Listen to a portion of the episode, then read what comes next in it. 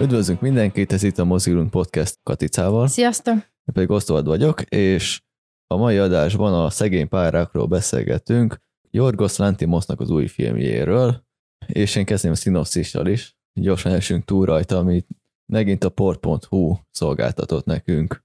Jorgos Lantimos új filmje elképesztő történet Bella Baxter fantasztikus fejlődéséről. A fiatal nőt a zseniális elmélyű és, és szokatlan módszereket alkalmazott tudós, dr. Goodwin Baxter hozza vissza az életbe. A férfi védelmét élvezve Bella vágyik a tudásra. Az a világ dolgait, így elszökik Duncan Weddenburnel és a Duncan Weddenburnel, a dörzsölt és zűrölt ügyvéddel, és ketten együtt a kontinenseken átívelő szélsebes kalandra indulnak. Korának elő, előítéleteitől szabadon Bella roppant iramban fejlődik, hogy szándékának eleget téve kiálljon az egyenlőség és a szabadság mellett. Pont. Hogy tetszett? Én bírom amúgy Jorgos Lanthimos. Melyik is volt a Homár volt az első, fi, első nagyobb filmje, azt például szerintem kifejezetten jó, még hogyha borzasztó nyomasztó is. Többire annyira mostában nem emlékeztem, azokat is majd szerintem újra fogom nézni, főként, hogy a kedvenc, az felkerült például Netflixre. Amúgy a Jorgos Lanthimos nagyon erős koncepciókat dolgozik, most már nagyon erős látványjal is, ez a filmre eléggé rá lehet mondani ezt, és ö, én azért is vártam, mert én szeretem a Frankenstein sztorikat, szóval szerintem van bennük lehetőség,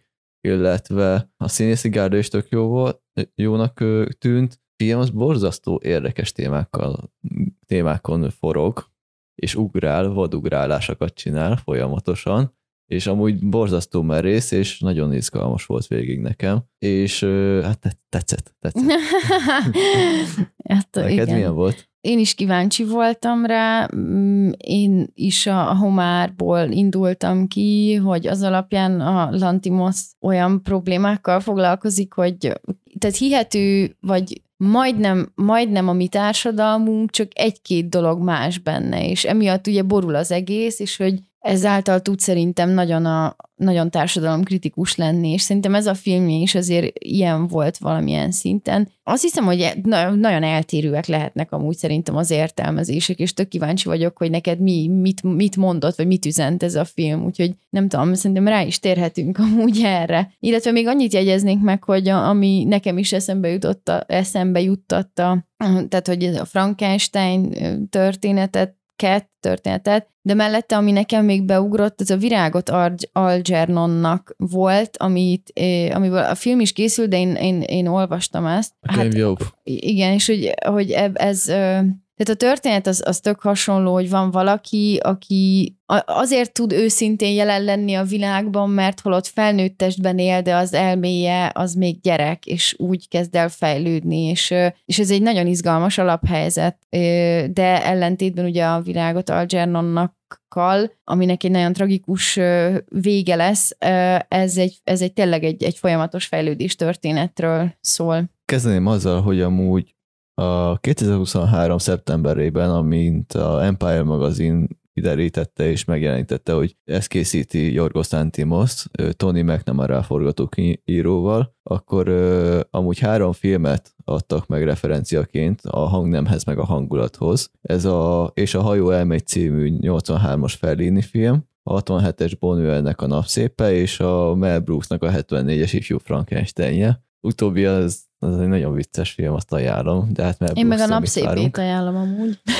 De amúgy így ezt a három filmet így erre visszagondolva, meg ezt így fejben öltözve, tényleg amúgy tök jól kijön a szegény párák, mert egyszerre amúgy mély, mint a Fellini, meg a Bonnuel tud lenni, de egyszerre amúgy vannak nagyon vicces részek benne, mint ami a Mel a sajátossága, hogy egyrészt a látvány nagyon érdekes. Szóval nekem olyan volt például az utcakép sokszor, meg a épületeknek a kinézete, mint hogyha Londonra vagy valamelyik városai rádobtad volna az AI-t, de nem olyan ízésten gumiszagúan, mint legtöbbször, hanem nagyon jó művész értékkel. Ér, nagyon, nagyon jó művész érzékkel, hogy így, hogy tényleg amúgy van benne elképzelés, nem csak azon, hogy le lett generálva valahogy. Szóval Igen. kreatív, nagyon kreatív a ilyen szempontból a látvány. Igen, és én még azt emelném ki amúgy a látványból, hogy de csodálatosak voltak a belső terek, a berendezés, és az egész egy pont azon a határon mozgott szerintem, hogy még elhiszed, hogy vannak ilyen kastélyok, de már azért egy picit fura, tehát picit túlzásnak tűnik. Például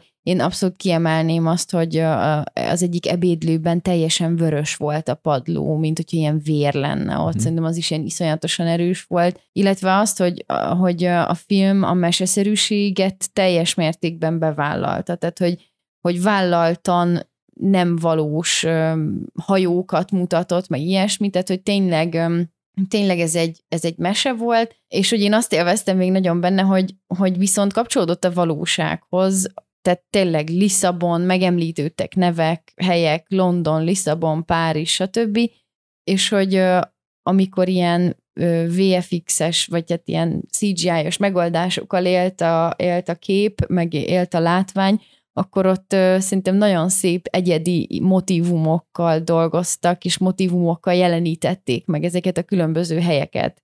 És itt például nagyon, és ez benne is volt, tehát még szövegszinten is megjelent, hogy, hogy Lisszabonban az volt a leg, tehát ami ilyen meseszerű, de, de fel, felfedezhető attribútum, hogy, hogy ott mennek ezek a pici villamosok, és hogy azok itt az égben mentek, azok a villamosok, uh-huh. és, hogy, és hogy folyamatosan csengettek, és hogy ez tényleg egy olyan dolog, hogy, hogy ez jellemző, jellemző Lisszabonra, meg jellemző amúgy Portóra is, én ott voltam, és ott láttam ezt, és, és hogy olyan szépen kötődött a valósághoz, de valahogy ilyen tényleg olyanná tette, mint ahogyan egy gyerek látná, vagy ahogyan egy gyerek varázsvilágnak látná, és hogy szerintem ez egy tök fontos ilyen formanyelvi eszköz volt, amit használt a, a film, hogy ugye van a Bella Baxter, aki, aki egy felnőtt testű, ám kisbaba agy, agyfejlődésétől in, jut el végül is a felnőtt állapotig,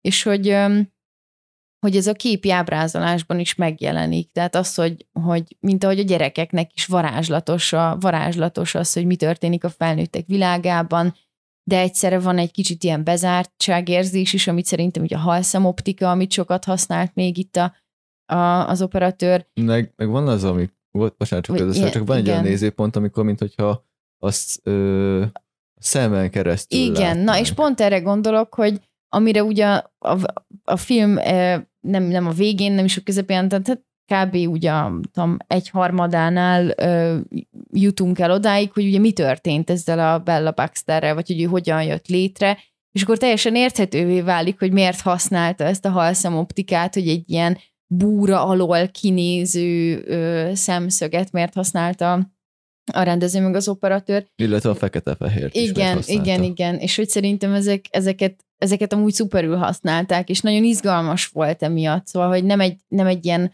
hagyományos dolog, hanem egy formabontó, formabontó film volt, vagy hogy tényleg jól használta ezeket az ilyen extra eszközöket, és hogy mivel amúgy az egész egy ilyen mesei dolog volt, ezért nem is tűnt túlzásnak, és, és nem tudom, neked gicsesnek tűnte, de talán, talán nem billent át. Hát inkább ö, kreatívnak. Ha gicses használnám, akkor pozitív kontextusban, nem egy olyan fajta gics, mint amit a Baz Luhrmann használ sokszor, mint mondjuk a Romeo és Julia adaptációjában volt. Hát vagy mint a Wes Anderson. Igen, de hát inkább közelebb van a Wes Andersonhoz, csak egy kicsit ö, többen a művészi érzék szerintem. Én nem mondanám ezt, egyszerűen szerintem a, a más a lényeg. Tehát és ráadásul pont ebben a filmben, mert ugye Wes Anderson azért eléggé hasonló a látványvilág az összes hmm. filmjének, a Lantimosnak nem, és hogy én azt láttam, ami, ami szerintem nagyon ilyen, tényleg ilyen menővé tette ezt a filmet, hogy kicsit ilyen steampunkos volt az mm-hmm. egész, hogy ilyen izgalmas szerkezetek, amik így meg iz, izgal, torz lények, ilyen ilyen furcsa ruhák, de hogy az egésztől az az érzésed, hogy ilyen történelmi, de közben tényleg, tehát ilyen, hát amit mondtam, steampunkos Igen. a stílusa, és hogy ez nagyon menő. Igen, a, azt úgy értettem a Wes Anderson, hogy a Wes Anderson az egy kimérte precízebb koncepciókat, meg látványokat hoz létre, tudod, a szimmetria, a kameramozgásokkal. A Jorgos Lantimos pedig kísérletező. kísérletezőbb, igen. igen, igen. De mindkettő ö, művészi, csak más hogy használja az eszközöket, meg más eszközöket is vett be. De attól függetlenül hasonló szinteket ostromolnak mindketten. Amúgy a látványa kapcsolatban a Budapesten forgatták a film nagy részét, és a díszleteket amúgy a, ö, például a london sorházakat, a Párizsi teret, a tengerjáró hajót, a Lisszaboni utcákat is itt építették fel. A utóbbi az például közel 52 méter hosszú volt, és 18,28 magas, széles, úgy értve, egy méreteibe tekintve hatalmas volt, és ott például külön, azt külön még ki kellett egészíteni, fel kellett még építeni a részleteit itt, meg ott a Korda stúdióban, nem csak a más, az eredeti helyszínen, szóval még, még egy plusz termet is kellett szerezni, akkora volt az egésznek a mértéke, a kiterjedése. Nekem amúgy a hajó volt a kedvencem, az nagyon jól össze volt rakva, meg a formája, és ilyen szép torz volt. Nem olyan torz, hogy így tudod, rossz ránézni, hanem úgy jó ránézni. Nekem a vége volt, a, a, a, amikor Ó, hát most ezt is lelőjük-e, nem, de ne lőjük le, de a végén az a kastély, amiben, amiben uh-huh. elviszik a, a, a Bellát. Nekem Igen. az volt, az nagyon hatásos volt, vagy hogy tényleg annyira, annyira érezhető volt ez az ilyen hm, erőszak és, és folytogatás, mind a berendezés, mind, mind így a színek használata terén, tehát az, az, nekem, engem azt fogott meg a legjobban a belsők közül. Mm-hmm.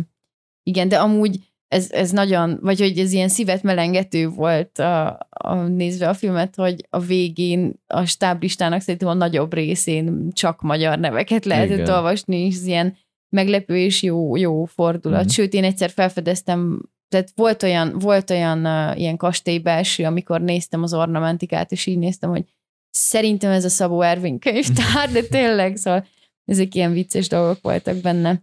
Igen. Na, de nézzünk kicsit rá a történetre talán, hogy így mi az, ami téged megfogott ebből a fejlődés történetből? Hát egyrészt a bátorsága. Emma Stone-nak amúgy ez volt az első filmbeli szex jelenete, és szerintem amúgy az eddigi összes bepótolta. Hát az ezzel. biztos, igen. Nagyon bevállalós a film, tényleg mindent mutat, mindent csinálnak benne körülbelül, de amúgy úgy, hogy nem provokatív, nem ilyen, hm, hogy mondják, ez ilyen obszcén, obszcén nem, a, nem az, hogy így direktbe toljuk, hanem hogy érződik, hogy ez koncepcióba beleilleszkedik, és hogy dolgoztak rajta az emberek, hogy meg az, vagy az alkotók, hogy úgy tegyük bele, hogy ne tűnjön úgy, hogy mi azért akarjuk ezt betenni, mert kell a szexjelenet, hanem hogy az építse a karaktert tovább, illetve a karakterek kapcsolatát is jobban szolgálja. Hát igen, és mondjuk szerintem ez így minden jó filmnek az alapja kéne, hogy legyen, hogy így a dolgok, amik történnek a filmben, a cselekményben, azok így ne véletlenül legyenek, de hogy, hogy és itt akkor szerintem rá is térhetünk arra, hogy itt a Bella Baxternek a karaktere volt ez a központi központi karakter, főszereplő, hősnő, és úttörő, felfedező, kalandor, aki, akinek a fejlődését végigkövethetjük, és ide nekem, nekem beugrott teljesen az, hogy ugye ő egy, egy felnőtt testben egy gyermekaggyal létező entitás, egy szereplő, egy lény igazából, aki szépen lassan a többi felnőttnek a reagálásából és az ő felfedezéseiből összerak magának egy világot. Egy dolog hiányzik belőle, az, hogy elszígyelje magát, vagy hogy furcsának érezze magát, és hogy ezért végletesen őszinte, és mindent kimond. És emiatt a környezete számára nagyon vonzó és nagyon különleges lény, és sok mindent megengednek neki, és ami eszembe jutott és ide kapcsolódik, az az, hogy kicsit az ilyen freudi, pszichoszexuális fejlődési etapokon is végigvezet minket a, a Bella Baxternek a, a fejlődése. Tehát, hogy először van tényleg az, hogy mindent megkóstol, meg aztán bepisil, aztán felfedezi a saját nemi szervét, és ezt utána elkezdi használni, és így igen, tehát ezek a lépések hát nem annyira következetesen, tehát nem, nem ezt a pszichoszexuális elméletet veszi végig minden egyes lépésben, de hogy azért tényleg felfedezhetőek ezek a kisgyerekekre jellemző fázisok, és nagyon komikus, és közben pedig tényleg amúgy lenyűgöző alakítás Emma Stone-tól, ahogy, ahogy gyereket tud játszani, és hogy nagyon, nagyon izgalmas volt szerintem ez a része.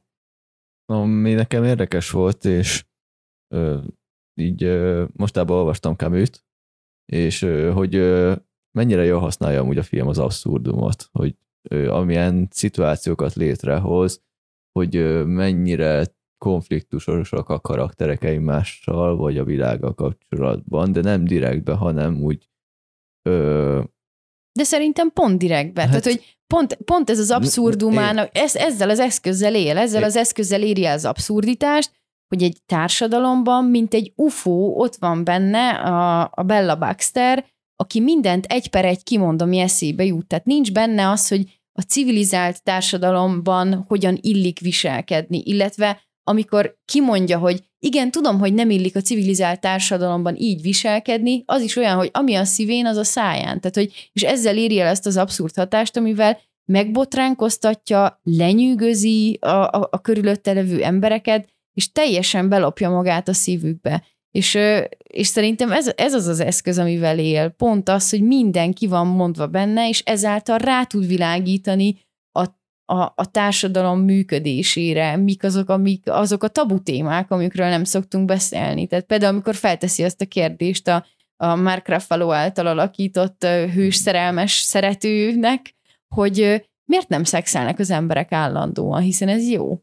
Uh-huh. És hogy tényleg ezek olyan kérdések, amiket az ember megtanulja, hogy így nem teszi fel, hát mert nem így szokás, mert, mert senki nem ezt csinálja. De vajon tényleg miért nem ezt csinálják az emberek? De pont nekem azért nem olyan direkt ez az egész, olyan nem a világnak mondja ki a Bella Baxter, hanem vagy a, a párjának, a Vedembörnek, vagy valamelyik másik karakternek nem agresszívan kiordibál a világba, be, beszél másokkal, és úgy teszi fel a kérdéseket. Hát, mint ahogy egy gyerek a környezetének igen, igen. éppen, aki ott van, annak felteszi azokat a kérdéseket, ami érdekli igen. őket, és mint hogyha, nem tudom, én kicsit úgy éreztem, hogy, hogy így visszacsöppenünk abba a gyerekkorba, amikor tényleg van idő, meg, meg egyszerűen van, van abban az állapotban vagyunk, hogy így rámerünk csodálkozni helyzetekre, rámerünk kérdezni helyzetekre, amit felnőttként már nem tudom, szerintem sokszor sok ember, én is nem tudom, bizonyos helyzetekben feszengek, és, és próbálom nem, erá, nem elárulni, hogy így elképesztően kellemetlenül érzem magam, is, és, és nem merem feltenni a kérdést, hogy de most a király mesztelen? Szóval, hogy kb. Hmm. ilyen szinten. Igen, csak például Barbie-val ellentétben itt én érvényesebbnek véltem ezt a módszert, amit a film alkalmazott, hogy a karakterek egymásra teszik fel a kérdéseket, és egymással beszélnek, mint hogy kinézünk a kamerába, meg áttörjük a negyedik falat. Az sokkal önkényesebb volt, ez sokkal érvényesebb így, szerintem, és sokkal ízlésesebb is. Mert hogy Barbie az hasonló eszköz, hasonló üzeneteket akart szerintem valamilyen átadni, az is egy nő, nőkkel foglalkozott meg azoknak a helyzetével, csak még az így direktbe kimondta, szó szerint a kamerába be, belemondta a dolgokat. Ez a film, ez sokkal jobban burkolja, és sokkal ízlésesebben kommunikálja a néző felé, mert mint például, ez lehet hülye példa, de mint egy mi ez, a mi ez, aki film is ilyen, ilyen volt, hogy ő nem mondja, hogy mi történik, meg nem magyaráz, hanem történnek a dolgok, és a néző majd eldönti, hogy mit gondol az, az a kapcsolatban, hogy a két karakter az mit beszélt most meg. Vagy milyen kérdést tett fel a Bella Baxter a másik karakternek, és nem a nézőnek. És uh, ilyen szempontból de, is... szerintem egy kicsit a nézőnek is. De nem direktbe, szóval nem az, hogy belenéz a kamerába, vagy arra fele fordul, hanem a beszél a Beden Burner, a Bella, és akkor ott jön fel egy kérdés. Ez szerintem sokkal jobb eszköz, mint hogy most ö, belenézünk direktbe úgy a kamerába, még hát hogyha kevésbé, kevésbé elidegenítő, én azt mondanám. Igen. Jobban benne tudsz maradni abba a környezetbe. Mert bizton, jobban biztonságban érzed magad, Igen. hiszen nem e, a szemedben nézve, illetve a kamerán keresztül mm-hmm. a mhm. szemedben nézve teszi fel valaki azokat a kellemetlen kérdéseket, amiket te akár saját magadnak nem mersz feltenni, és hogy ez, ebben a filmben én ezt élveztem nagyon, hogy nyugodtan hátradőlhetek, és ott elhangoznak, igenis elhangoznak azok a kérdések, fel vannak téve azok a kérdések, amik, amik igen, a, a nézőnek szólnak ezek a kérdések mind, és a, annak, hogy, hogy rácsodálkozzunk, és, és újra átgondoljuk azt, hogy hogyan állunk az élethez, és hogy mhm. azokat a kérdéseket feltegyük, amik, hogy hogyan éljük az életünket, mi a fontos, mi nem fontos, mennyire szeretnénk szabadok lenni, mennyire hagyjuk magunkat elnyomni, mennyire hagyjuk magunkat befolyásolni, ezeket a kérdéseket teszi fel, igen, nem úgy, hogy a nézőnek direktbe a kamerába beszélve, de hogy ezek a kérdések elhangoznak, és, és szerintem a film esélyt ad arra, hogy ezt, ezt átgondoljuk.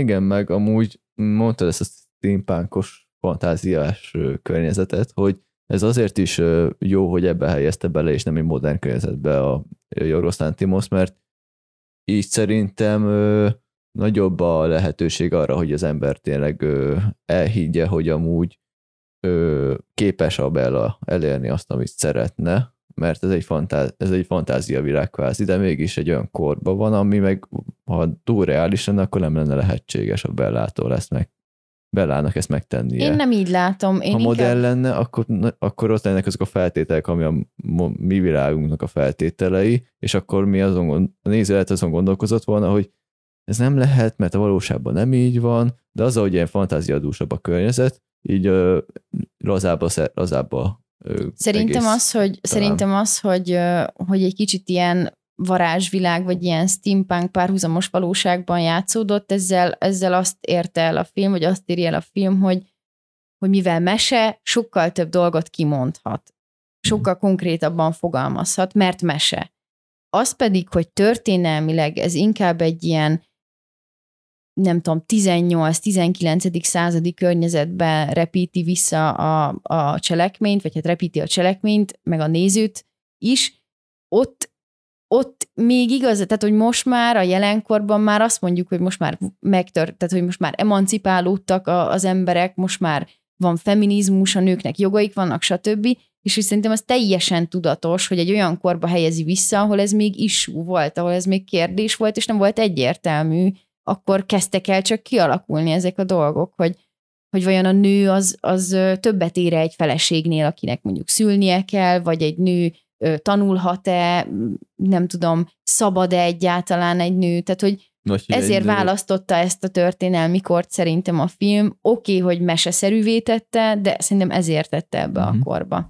Mert hogy úgy jobban értelme, vagy nem tudom, nem azt, hogy jobban értelmezhető, hanem hogy ott így még tetten érhető történelmileg is, hogy ez egy dilemma. Uh-huh. Igazad van, teljes mértékben, mármint ja, igazad jó a, az érvelésed.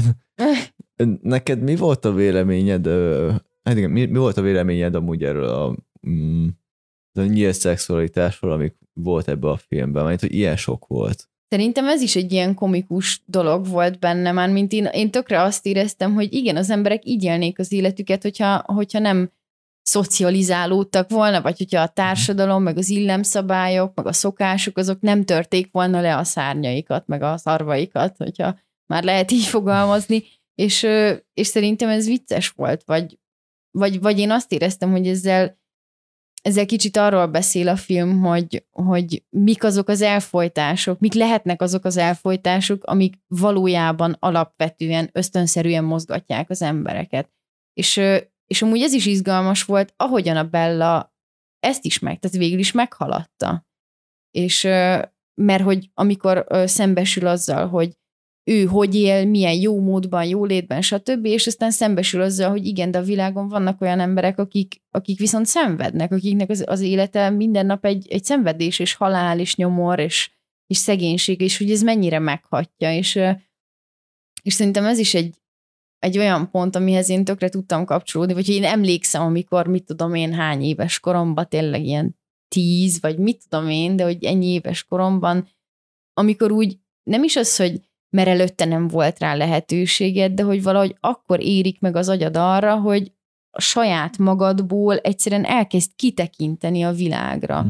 És hogy ott elindul egy másik folyamat, amikor már nem csak a saját szükségleteim, hanem tényleg valami értelmet, valami célt próbál megkeresni az ember, valahova próbálja elhelyezni magát a világban, vagy, vagy hogy mondjam, zavarni kezdi az, hogy, az, hogy másoknak nem jó például, mint ahogy a Bellát. És aztán utána de ez is izgalmas az élet útjában, és kicsit ilyen, ilyen, hát nem azt mondom, hogy ilyen szithárta jellegű, de hogy mindegy, abban is van egy ilyen rész, de hogy, hogy aztán beáll ugye prostituáltnak, uh-huh. és hogy abban, ami az elején ez a szabad, nagyon szabad, nagyon ösztönszerű, nagyon ilyen boldoggá tevő szexualitás, hogy ő is megfogalmazza, hogy miért nem csinálhatom azt mindig, amitől boldog leszek, és hogy, vagy ami boldogságot okoz, örömet okoz, és hogy utána mekkora fejlődés, vagy hát mekkora út, hogy ez, ahogy bejárja, és eljut odáig, hogy ő pénzért ugye prostituálja magát, hogy igazából mitől szabadul meg az ösztöneitől,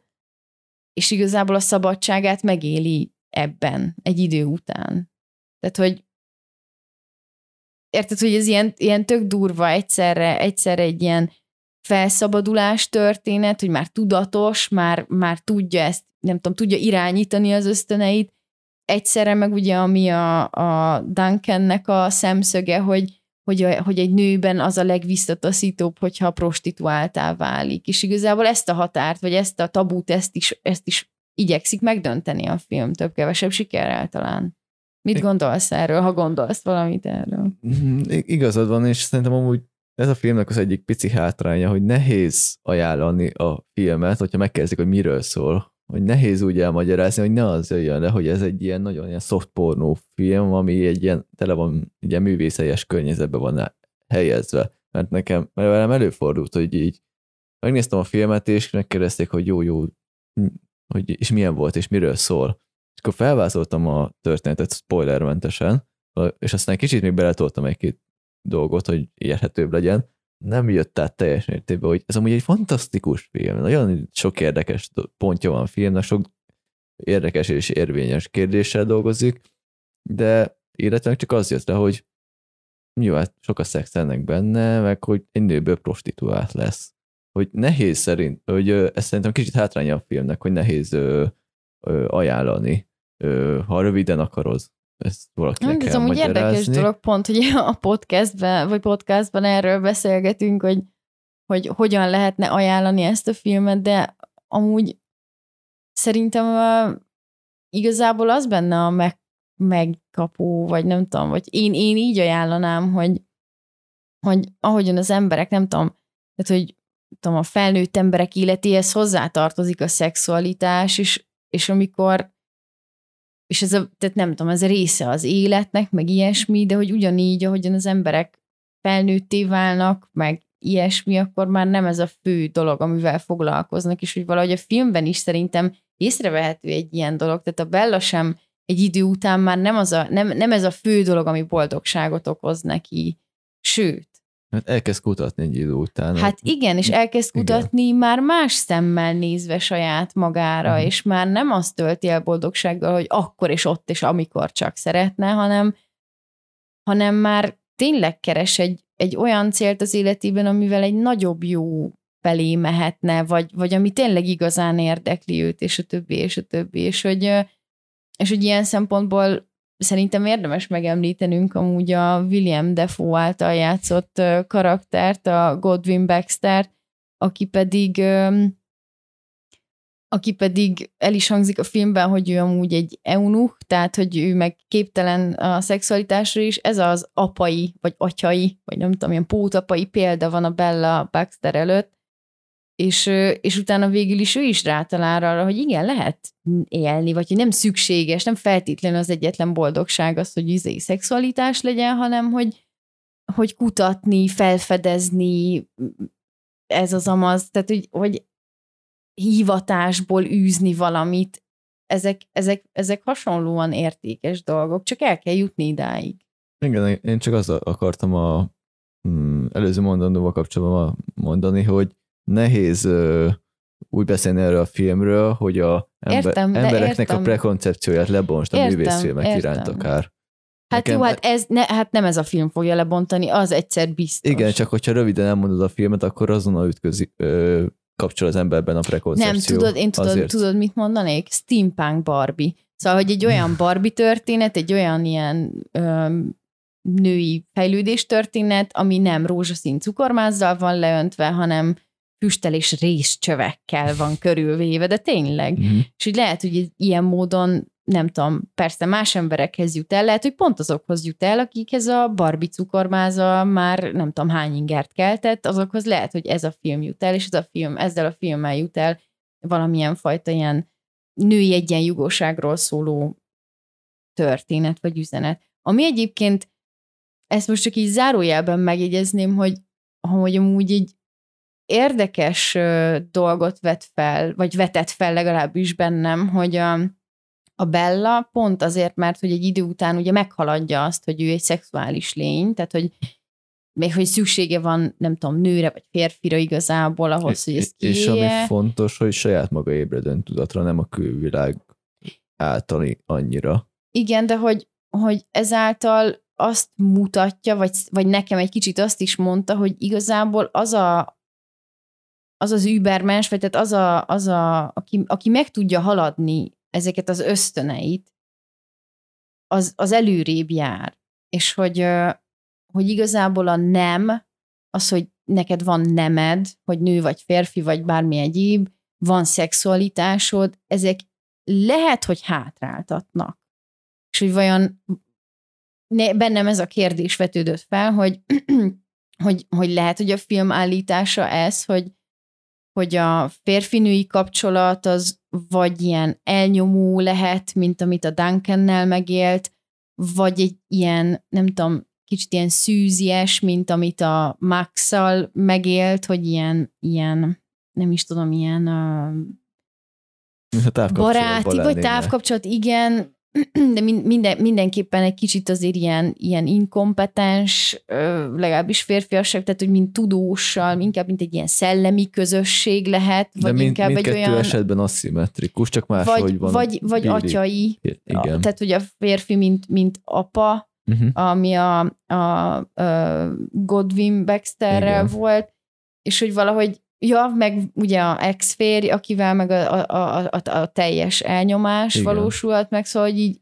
ebben is éreztem egy ilyen Barbiehoz hasonló megfogalmazásmódot, vagy férfi ábrázolást, hogy, hogy nem, nem jelenik meg a kompetens, mind szexuálisan, mind érzelmileg partnerré váló férfi képe a filmben, hanem ehelyett a, a, a film vége felé én számomra inkább azt jelentette, hogy hogy ha ezeket meghaladjuk, akkor, vagy ezeket meghaladja egy nő, talán akkor válik szabaddá és egyenjogúvá teljesen. Nem tudom, ezek, ezek a gondolatok jöttek fel bennem, hogy egy ilyen androgyn lényhez, vagy androgynséghez való közeledése az, ami, ami igazán felszabadíthatja a nőket.